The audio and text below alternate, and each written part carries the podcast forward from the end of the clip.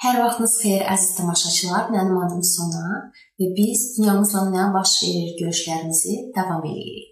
Ümumiyyətlə dünyada baş verən hadisələrə baxanda biz görürük ki, cəmiyyətdə əxlaqın düşməsi var, mənəvi dəyərlərin düşməsini biz müşahidə edirik və ümumiyyətlə düşünəndə keçmiş əsrlərdə məsəl üçün ailə dəyərləri və ümumiyyətlə ailə anlayışı tam fərqli olmuşdu. İnsanlar onu bir təhlükəsizlik yeri kimi qəbul edirdilər və insanlar bir yerdə evdə toplaşırdılar. İndi isə məsəl üçün insanlara ev barədə soruşsalar, ailə barədə soruşsalar daha çox qəzəb, dava və anlaşılmazlıq yerləri, düşmənçilik yeri kimi də qəbul edə bilərlər. Və insanların əvvəlki kimi təhlükəsizlik yeri kimi qəbul etdiyi bu məkanda biz artıq sadəcə bəlkə gündə tez gəlib ayaq üstə yemək yeyib e, işlərimizə davam eləyirik. Bu mənəvi ailə institutu artıq biz çökdüyünü görürük və televiziyada da biz görürük ki, əxlaqsızlığın sayı artır və öz övladlarımız üçün də bəlkə də narahat oluruq şiddətin, qəzəbin sayı artıb. Televiziya və internet vasitəsilə ümumiyyətlə ailəmizə əxlaqsız və zorakılıq birbaşa girib və insanlarda anlayışın dəyişməsi baş verir və Hollywood obrazlar ümumiyyətlə nüfuz eləyib bizim həyatımıza və cəmiyyətdə çox pis vərdişlər əmələ gəlir. Uşaqlarda ümumiyyətlə yaxşı və pisin anlayışları pozulur, çünki onların hələ tam yetişkin olmayan ağıllara televiziya vasitəsilə birbaşa təsir etmək istəyir televiziya. Və bu da təbii ki, bir çox, yəni yaxşı nəticələr gətirib çıxarmır. Və belə bir statistika var. Orta hesabla 18 yaşında uşaqlar televiziya və kino vasitəsilə 200 min zorakılıq aktı, o cümlədən 40 min qətl törədilməsinin şahidi olurlar. Yəni bütün bu statistika, yəni insanların, bu uşaqların televiziya və internet vasitəsilə gəldiyini deyir.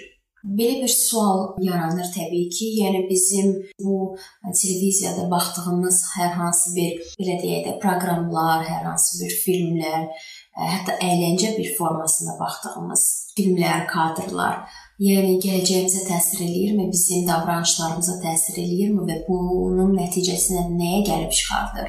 Ümumiyyətlə cəmiyyətdə həqiqətən bir mənəvi kompas olmadan insanlar öz orientirlərini tamamilə itirir. Məsələn, indi çox məşhurdur belə bir deyim ki, sən özün öz həyatını idarə edirsən, heç kim sənə qarışa bilməz. Sənin meyarların ən üstündür və cəmiyyətimiz bəlkə də çox vaxt deyir ki, yəni sənə necə rahatdırsa elə et, yəni istədiyin şeyi et. Amma sonra ortaya sual gəlib çıxır ki, bəs nədən o zaman bizim cəmiyyətdə məsəl üçün zorakılığın, ümumiyyətlə cinayətin sayı bu qədər çoxdur? Niyə biz zorakılığı və ümumiyyətlə düşmənçiliyi müşahidə edirik? Baxın, Süleyman məsələləri 28-ci fəsil 26-cı ayədə yazılıb. Öz ağlına güvənən axmaqdır.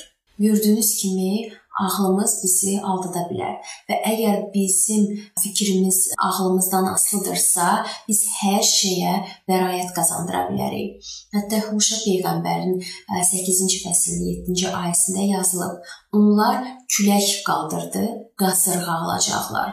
Yəni bu təsdiq olaraqdır. Nəyə görə? Çünki biz televiziyada belə deyək də şiddət küləyi əkirik və sonra cinayətlər fırtınası biçirik. Biz əxlaqsızlıq küləyi əkirik, nəticədə də zorakılıq, boşanmalar fırtınası biçirik. Yəni bu səbəb-nəticə əlaqəsidir var. Bəs biz nə edə bilərik? Necə cəmiyyətdə saf qala bilərik?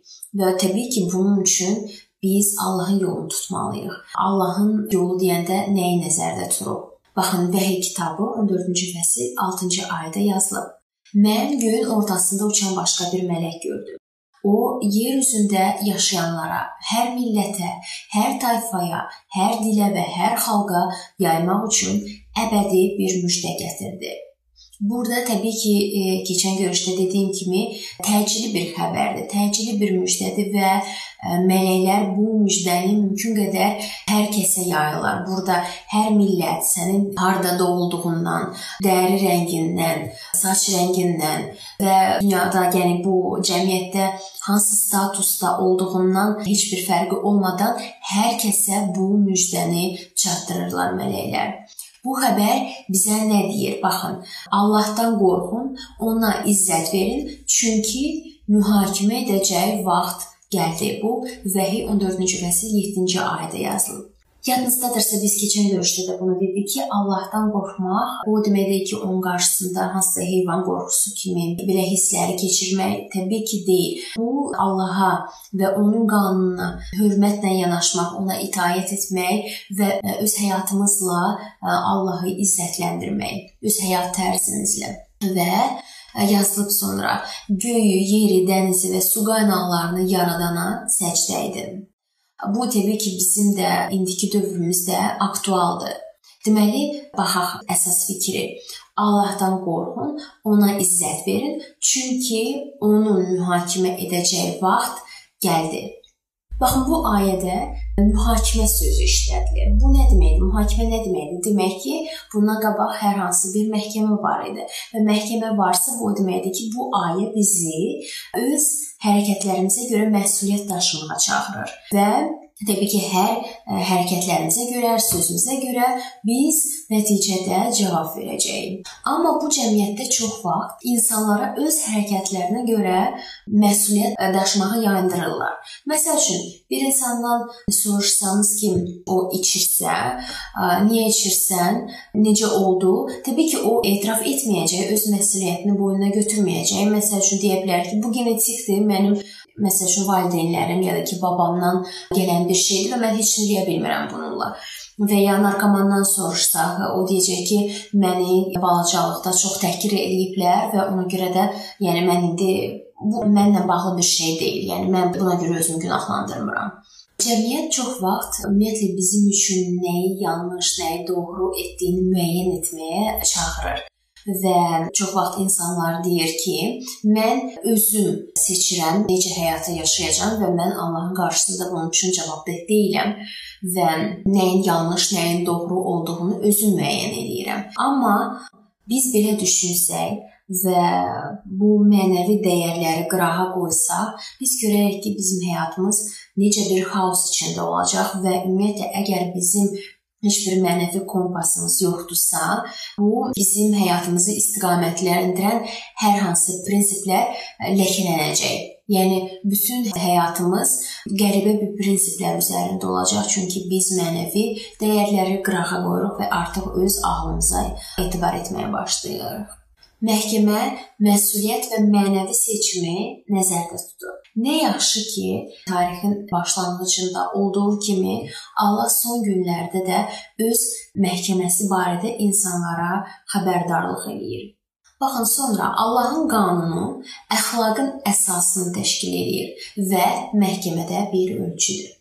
Təbii ki, vəhy kitabı bu insanlara hansı ki deyir, mənim ağlım mənim qanunumdur və heç kimin haqqı yoxdur mənə demək ki, nə düzdür, nə səhvdir. Yəni məni mühakimə etməyə heç kəsin haqqı yoxdur deyən insanlara müraciət eləyir. Və insanlar deyirlər, mən özüm nəyin yaxşı, nəyin pis olduğunu müəyyən edirəm, özüm seçirəm. Amma vəhy kitabı deyir ki, səndən başqa heç kəs sənin əməllərinə görə cavabdeh olmayacaq. Yəni o bizi öz hərəkətlərimizə, öz sözlərimizə görə məsuliyyət daşımağa çağırır. Yaqub 2-ci fəsil 12-ci ayədə yazılıb. Azadlıq qanunu ilə mühakimə olunacaq adamlar kimi danışın və bu cür davranın. Allahın qanunu əslində azadlıq qanunudur. Gəlin bir neçə misala baxaq. Məsəl üçün 6-cı əmrdə yazılıb çıxış 20-ci fəsil 13-cü ayə. Qətl etmə. Bu azadlıq qanunudur. Nəyə görə? Çünki o həyatın müqəddəsliyini qoruyur. Yəni mən yaşamağa azadam və bu azadlığımı heç kəs mənim əlimdən almağa ixtiyarı yoxdur. Sonra 7-ci əmr. Çıxış 20-ci fəsil 14-cü ayədə yazılıb. Zina etmə. Bu da azadlıq qanunudur. Nəyə görə? Çünki ailə müqəddəsliyini və ailə institutunu qoruyur. 8-ci əmr: Oğurluq etmə. Bu da azadlıq qanunudur. Bu əmr bizim əmlak və mülkiyyətimizi qoruyur. Vəhiy 11-ci fəsil 19-cu ayədə yazılıb. Allahın göydəki məbədi açıldı və onun əhd sandığı orada zahir oldu. Əhd sandığı nədir? Allahın əmri ilə Musa ziyarətgahı inşa edəndə onun içində, yəni bu ziyarətgahın içində Allahın əhd sandığı var idi. Bu əhd sandığında Allahın qanunları yerləşirdi və Allahın qanunu əxlaqın əsası kimi ziyarətgahın içinə qoyulmuşdu. Çünki Allahın qanunları onun taxtının təməlidir və Vəhy kitabı Allahın qanunlarına riayət etməyimizi bizdən istəyir. Məhkəmə və qanun İncilin bir hissəsidir. Amma bir çox insan deyə bilər ki, mən lütflə xilas oldum və düşünmürəm ki, bundan sonra qanuna, yenədən qanuna riayət etməliyəm. Amma əziz dostlar, biz qanunu pozduq və biz günahkarıq və bizim günahlarımıza görə İsa Məsih çarmıxa çəkildi o bir günahkar kimi çarmıxa çəkildi. Əks e, təqdirdə nədən əgər Allah öz qanununu dəyişdirdisə və onun artıq yəni heç bir mənası yoxdursa, niyə İsa gəldi və onun uğrunda öldü?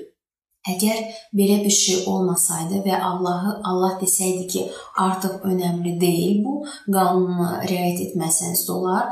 Yəni İsa'nın gəlməsi mənasız olardı. Yəni gəlməsi deyəndə gəlib və bizim üçün ölməsi, bu günah bizim biz üçün, biz günahkarlar üçün ölməsi mənasız olardı artıq. Baxın 1-ci Yəhya 3-cü fəsil 4-cü ayədə yazılıb. Günah edən hər kəs qanunu da pozar, çünki günah qanunu pozmaqdır. Allahın qanunu günahı və Allah qarşısında məsuliyyəti müəyyən edən onun əbədi mənəvi standartıdır. Allahın qanunu ümumiyyətlə bizim üçün günahın nə olduğunu təsvir eləyir.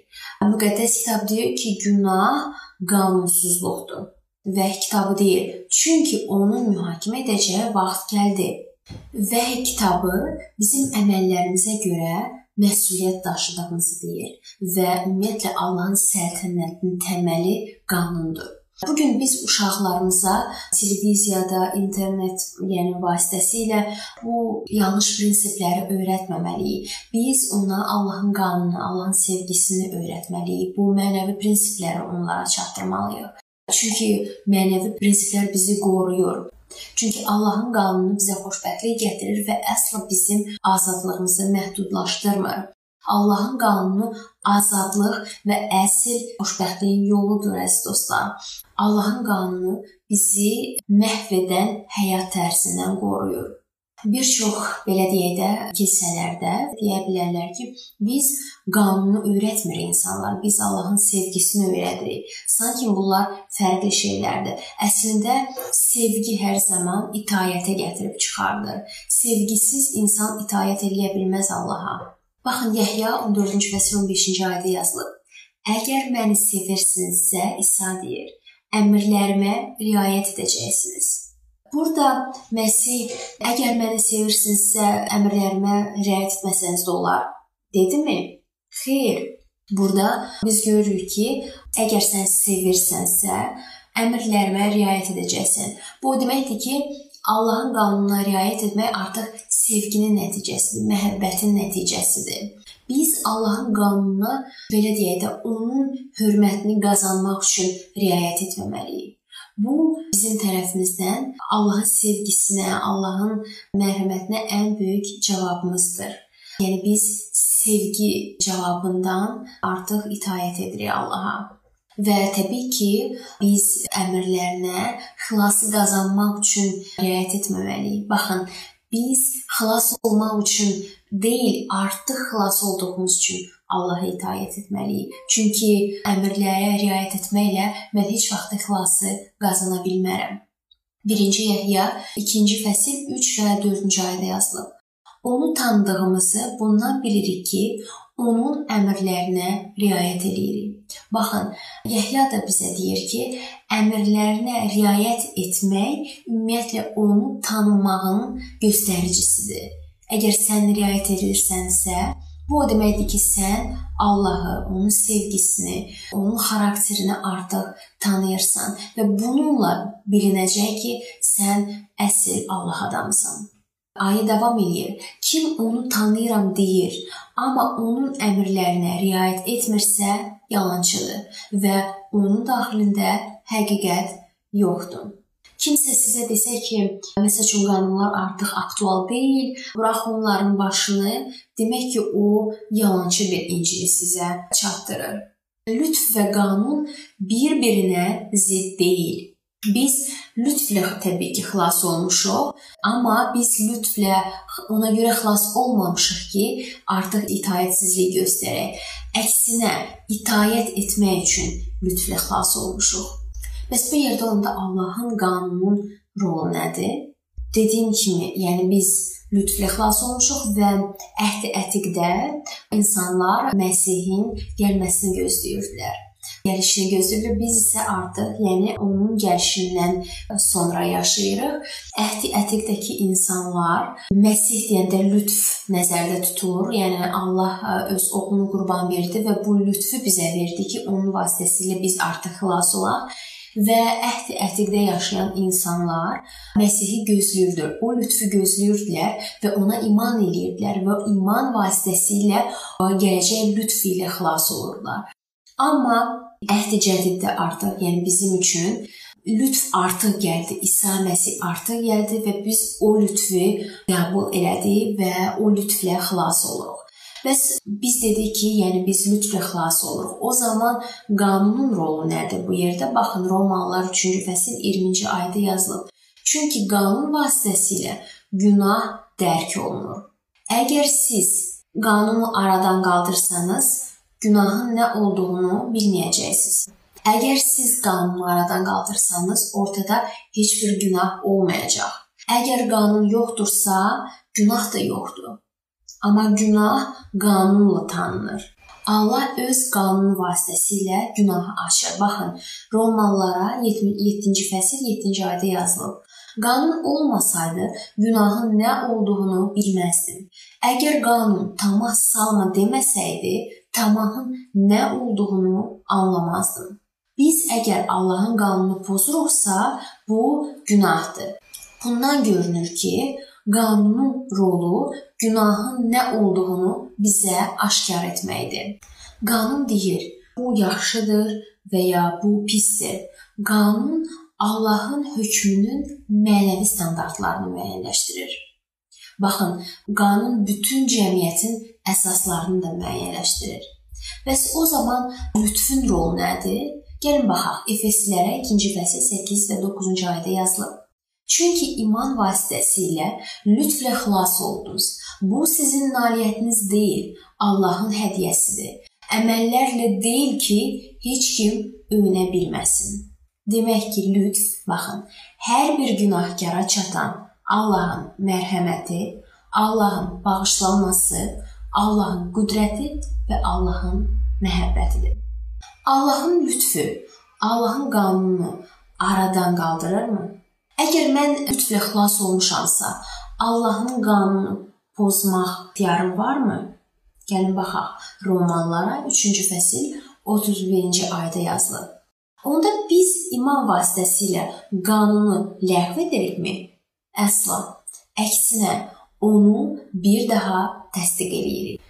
Başqa bir sözlə Paul deyir ki, sizin günaha ehtiyac olmadığınızı görmürəm, düşünmürəm. Çünki bu bizim əsasımızdır. Biz buna arxalanırıq. Lütf ilə xilas olsaq da bizdən yəni qanuna itaat etməyimiz tələb olunur.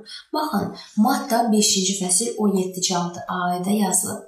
Sanmayın ki, mən qanun və peyğəmbərlərin sözlərini ləğv etmək üçün gəldim. Mən onları ləğv etmək üçün yox, yerinə yetirmək üçün gəldim. Bu şəxsən Məsihin öz sözləridir və burdan görünür ki, o qanunun artıq lazım olmadığını bizə demir. Əksinə o deyir ki, qanuna riayət etməliyik, yəni əmrlərə riayət etməliyik.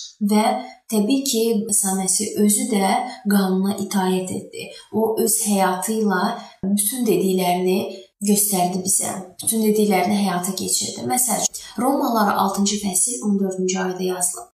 Günah sizə hökmranlıq etməyəcək. Ona görə ki, siz qanun altında deyil, lütf altındasınız. Günah sizə nə zaman hakim ola bilər? Siz Allahın yolunu deyil, öz yolunuzla getdiyi zaman. Siz qanunu pozan zaman günah sizə sahib çıxır. Müqəddəs kitab günahın qanunsuzluq olduğunu bizə deyir. Buna görə də Həvari Paul bizə deyir ki, günah sizə hakim olmamalıdır. Çünki siz qanun altında deyil, lütf altındasınız. Ümumiyyətlə qanun altında olmaq nə deməkdir? Bu qanunun altında xilas vasitəsi kimi olmaq deməkdir. Bu qanunun hökmü altında olmaq deməkdir. Çünki mən onu pozdum. Bu deməkdir ki, mən qanuna qurtuluş vasitəsi kimi baxıram və ona riayət etmirəm. Buna görə də mən cəzasına məhkum olmuşam. Günah nədir? Dedi ki, Allahın qanununun pozulması. Mən pozduğum bir qanunla məhkum edilirəm. Buna görə də qanun altındayım. Bəs lütf altında olmaq nə deməkdir əziz dostlar? Lütf altında olmaq mənim Məsihin əhvini qəbul etməyim, Məsihin bağışlanmasını almağım və onun gücü ilə dolmağım deməkdir. Məsih mənim ürəyimdə və zehnimdə Allahın qanununu artıq yazıb. Mən ona özüm artıq qəlbən itaat etmək istəyirəm. Müqəddəs kitab barədə çox aydın şəkildə deyir. Və əgər biz bütün qəlbimizlə İsa Məsihin yanına gəlib onun qarşısında diz çökürüksə, o bizə deyir: "Mənim əziz ovladım, sənin həyatında bundan qabaq nə günahlar işlətdiyindən asılı olmayaraq, nə qədər günahkar olduğundan asılı olmayaraq mən səni bağışlayıram və sənə yeni həyat verirəm." Qanun bizim ehtiyacımızı aşkar eləyir. Bu o deməkdir ki, mən qanuna baxıram və görürəm ki, mən kifayət qədər, yəni mən ona uyğun deyiləm o qanuna və özümü kifayət qədər günahkar görürəm. Mən özümün hansısa bir xarakterimi, məsəl üçün, bəlkə də çox hirsliyəm, kifayət qədər mehriban deyiləm. Yəni bütün bunları qanun bizim üçün açır. Zəbur 19-cu fəsil 7-ci ayədə yazılır. Rəbbin qanunu kamildir, canı təzələyir. Əziz dostlar, Allahın qanunu birbaşa bizi Məsihə aparır. Bir nəfər Məsihi sözündə tutmaq üçün ondan gəldi və soruşdu. Yəni dindar biri ondan soruşdu. Bu Matta 22-ci fəsil 36-dan 40-cı ayəyə qədər yazılıb. Müəllim, qanunda ən böyük əmr hansıdır? İsa ona dedi: Allahın Rəbbi bütün qəlbinlə, bütün varlığınla və bütün düşüncənlə sev Bu böyük və əsas əmrdir. Buna bənzəyən ikincisi budur. Qonşunu özün kimi sev. İsa nə dedi? Nə etdi bununla? O 10 əmr, yəni bildiyiniz kimi əvvəl Musanın 10 əmri var idi. O bu bütün bu 10 əmri 2 əmrdə yekunlaşdırdı. Çünki İsa dedi ki, davamını oxuyuram ayənin, bütün qanun və peyğəmbərlərin sözləri bu iki əmrə əsaslanır. Bütün qanunu ümumiyyətlə bir sözə gətirə bilərik. Sevgi, Allahı və qonşuları sevmək. İsa Allaha olan sevgini ilk 4 əmrdə birləşdirdi və qonşuya sevgini növbəti 6 əmrdə birləşdirdi. İsa deyir, əgər ümumiyyətlə sevirsənsə, sən Allahı da sevəcəksən. Əgər sevgi varsa içində, sən qonşuları da sevəcəksən. Sevgi həmişə itaətə aparıb çıxarır. Allahın qanunu ümumiyyətlə daş lövhələrində Allahın barmaqları ilə, yəni Allah öz barmaqları ilə yazdı o qanunu. Allahın qanununa riayət etmək köləlik bağlarını sizin üzərinizə qoymur. Əksinə sizi köləlikdən azad eləyir əziz dostlar. 10 əmr bizə əslində azadlığımızı, bizim azadlığımızı məhdudlaşdırmır. Onlar bizə verilib ki, biz həqiqi azadlığı əldə edək. Gəlin baxaq ümumiyyətlə bu 10 qanun necə verilib xalqa və biz təbii ki, başa düşəcəyik. Qanun baxın gör necə başlayır. Çıxış 20-ci fəsil 2-ci ayədə yazılıb. Səni Misir torpağından, köləlik diyarından çıxaran Allahın Rəbb mənəm. Baxın necə gözəl sözlər. Köləlik diyarından çıxaran. Bu deməkdir ki, Allah İsrail xalqını köləlikdən çıxardıb azadlığa qovuşdurdu və o istəyirdi ki, artıq bu qanunlarla o azad həyatı davam eləsinlər. Yəni təbii ki, onun fikrində heç bir insanları məhdudlaşdırmaq kimi fikri yox idi. Gəlin baxaq. Çıxış 20-ci fəsil 3-cü ayədən 17-ci ayəyə qədər. Birinci əmr: Məndən başqa Allahın olmasın. Allah deyir: "Mən sizin həyatınızda birinci yerdəyəm." Yəni mütləq şəkildə deyil ki, bu başqa dinin allahları, yəni fərqli allahlar olsun.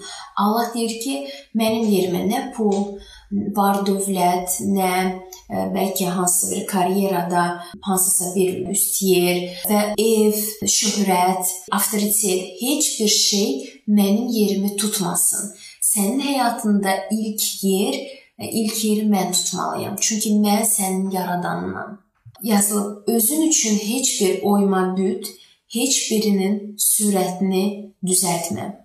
Allah deyir, mənə gəlmək üçün hər hansı bir şəklin və ya fərqli şeylərin mənası yoxdur. Yəni bunun ehtiyacı yoxdur bunu düzəltməyə. Mənə birbaşa şəxsən gələ bilərsən. Sonra yazılıb: Allahın Rəbbin adını boş yerə dilinə gətirmə. Baxın, Allahın adı onu izzətləndirmək üçün bizə verilib. Bu o elə bir addır ki, mələklər onun qarşısında baş əyir. Mələklər müqəddəsdir, müqəddəsdir, müqəddəsdir deyilən bir addır və ona görə biz çox hörmətlə yanaşmalıyıq Allahın adına. 4-cü əmr: Şənbə gününü yadda saxlayıb təqdis et. 6 gün çalışıb bütün işlərini gör, lakin 7-ci gün Allahın Rəbbin şənbə günüdür. Dördüncü əmrdə ümumiyyətlə Allah bizə yaradan kimi özünü göstərdi. Nəyə görə? Çünki burada yazılıb ki, Allah 6 günə dünyanı yaratdı və 7-ci gün bu şənbə günü istirahət etdi. Və bu o deməkdir ki, mən ona yaradan kimi artıq itaat etməliyəm. Sonra ata-anana hörmət et. Təbii ki, bu indiki dövrdə nə vaxt ki, yəni uşaqlar öz valideynlərinə hörmət eləmirlər və onlara deyirlər ki, artıq sən mənim həyatıma qarışa bilməzsən, sən mənim yerimə qərarlar verə bilməzsən. Məhz bu dövrdə kəlam bizə müraciət edir ki, ata-anana hörmət elə. Bu, yəni bu əmrə riayət elə. Qətl etmə. Biz görürük texnologiyanın necə inkişaf edib və indi bir belə deyək də düyməyə basmaqla bir çox insanın həyatını məhv etmək imkanı olduğu zaman Allah bizə deyir ki, qətl etmə. Yəni o bizim həyatımızın müqəddəsliyini qoruyur. Əxlaqsızlığın dövründə, mənəvi dəyərlərin çökdüyü dövründə Allah bizə deyir ki, zina etməyin. Bu təbii ki, Allah bununla dediyim kimi ailə institutunu və mənəvi dəyərləri qoruyur bizim. Sonra oğurluq etmə. Təbii ki, bildiyimiz kimi oğurluq hələ də günahdır və oğurluq kiminsə başqa bir insanın şəxsi olan əşyasına, şəxsi olan bir şeyinə sahiblənmək oğurluq sayılır. Və oğurluq deyəndə ancaq hansısa real bir əşyadan getmir söhbət. Yəni mən gedib kimsə telefonu oğurladım filan.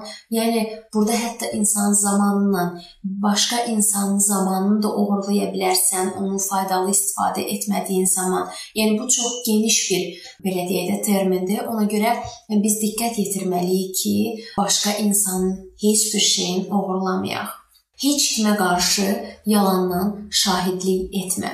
Yalan hələ də günahdır. Qeybət eləmək hələ də günahdır. Ümumiyyətlə başqa insan haqqında pis danışmaq, ardınca danışmaq hələ də günahdır və Allah deyir ki, heç kimə qarşı yalandan şahidlik etmə və e, sonuncu da tama salma.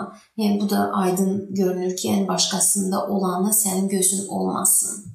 10 əmrlər Mən düşünürəm ki, və bir çoxları da mənimlə razılaşar deyə düşünürəm ki, bizim cəmiyyətdə də indiki zaman üçün çox aktualdır. Davud Allahın əmrlərinin əbədi olduğunu bizə deyir. Baxın, Zəbur 111-ci fəsil 7-ci ayədən 9-cu ayəyə qədər yazılıb. Əllərinin işləri sədaqət və ədalətdir. Onun bütün qayda qanunları etibarlıdır. Onlar həmişə əbədi olaraq möhkəmdir, sədaqətdən, düzlükdən yaranmışdır. Şeytan itayətsizlik üzündən göyləri tərk etdi. Adəm və Havva öz itayətsizliyi üzündən belə deyək də cənnətdən qovuldular. Allah bizi isə artıq qanuna qayıtmağımızı istəyir. Allah bizdən istəyir ki, biz artıq onun qanunlarına sadiq qalaq. Biz onun qanunlarına riayət edək. İbranilərə 8-ci fəsil 10-cu ayədə yazılıb. O günlərdən sonra İsrail xalqı ilə bağlayacağım əhd belədir. Qanunlarımı onların zehinlərində qoyub ürəklərinə yazacağam. Mən onların Allahı, onlar da mənim xalqım olacaq. Allah deyir ki, qanunlarımı onların zehinlərinə qoyacağam. Bu nə deməkdir? Əgər qanun mənim zehnimdədirsə, mən onu bilirəm. Əgər qanun mənim ürəyimdədirsə, mən onu sevirəm. Gəlin baxaq, Allah dünyanın sonunda yaşayan artıq öz xalqını necə təsvir edir? Vəhi 14-cü fəsil 12-ci ayə. Allahın əmrlərinə riayət edən və İsa'ya imanında sadiq qalan müqəddəslərin gərək dözüm olsun. Baxın, budur Allahın sadiqi. Allahın əmrlərini yerinə yetirənlər və İsa'ya imanına sadiq qalanlar və Vəhiy kitabı son fəsli ümumiyyətlə xilas olanları belə təsvir edir. Vəhiy 22-ci fəsil 14-cü ayə xalatlarını günahlarından təmizləyənlər nə bəxtiyardır. Bununla da həyat ağacından yeməyə icazələri olacaq. Darvazalardan keçib şəhərə girəcəklər. İsa Məsih bizi bağışlayır. İsa deyir: "Mənim övladım, mənə gəl." O bizə mərhəmət göstərir. Əziz dostlar, hal-hazırda həyatınızda nədən tutunursunuz? Gəlib Allahın əlini, İsa'nın əlini tutmaq vaxtı deyilmi? İsa sizin bütün keçmiş günahlarınızı bağışlayacaq. İsa sizə yeni həyat verəcək və onun lütfü sizi yeni bir insan eləyəcək. Və əgər siz də yeni bir insan olub bu lütflə, Allahdan gələn lütflə xilas olmaq istəyirsinizsə, gəlin bir yerdə dua eləyək. Gözəl Allahım, sənə minnətdarıq bu gözəl görüşlərimiz üçün və minnətdarıq ki, bu görüşlər vasitəsilə sən öz işini görürsən və bizdən istifadə edirsən. Sənə buna görə minnətdarıq. Minnətdarıq sənin o böyük sevginə, sənin lütfünə, hansı ki bizi xilas edir. Bu gözəl bir hədiyyədir bizim üçün və biz bu hədiyyəni qəbul etmək istəyirik. Sənin lütfünlə xilas olmaq istəyirik.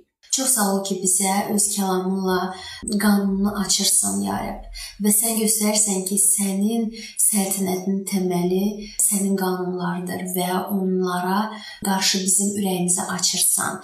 Biz başa düşürük ki, sənin əmrlərini həyata keçirmək, sənin əmrlərinə riayət etmək bu bizim sevgimizdən gələn cavabdır. Ya Rəbb, biz səninlə olmaq istəyirik, xilas olmaq istəyirik və sənin əmrlərinə sadiq qalmaq istəyirik. Və kəlamda dediyin kimi ağ xalatlarda səninlə görüşüb darvazadan cənnətə sənin yanına keçmək istəyirik. Çox sağ ol bu gözəl sözlərin üçün, bizi ruhlandırdığın üçün, bizim həyatımızda işlədiyin üçün və hər zaman bizim üçün gözəl bir xəbər və bir gözəl bir həyat hazırladığın üçün. Hər şeyə görə sənə minnətdarıq və səndən bu sevgini və lütfü qəbul edirik. İsa Məsihin uca ismi ilə dua edirəm. Amin. Əziz dostlar, İndi isə bizim bu görüşümüz sona çatdı. Həmişəki kimi mən sizi çağırıram ki, əgər hər hansı bir sualınız, bəlkə maraqlı bir məqamlar oldu sizə toxunan, siz bizə mütləq şəkildə mesaj qutusuna və ya şərh bölməsinə öz fikirlərinizi bölüşəsiniz. Suallar varsa bizdən soruşun və sizinlə növbəti görüşlərdə görüşmək ümidi ilə sağollaşıram indi. Sülhlə qalın.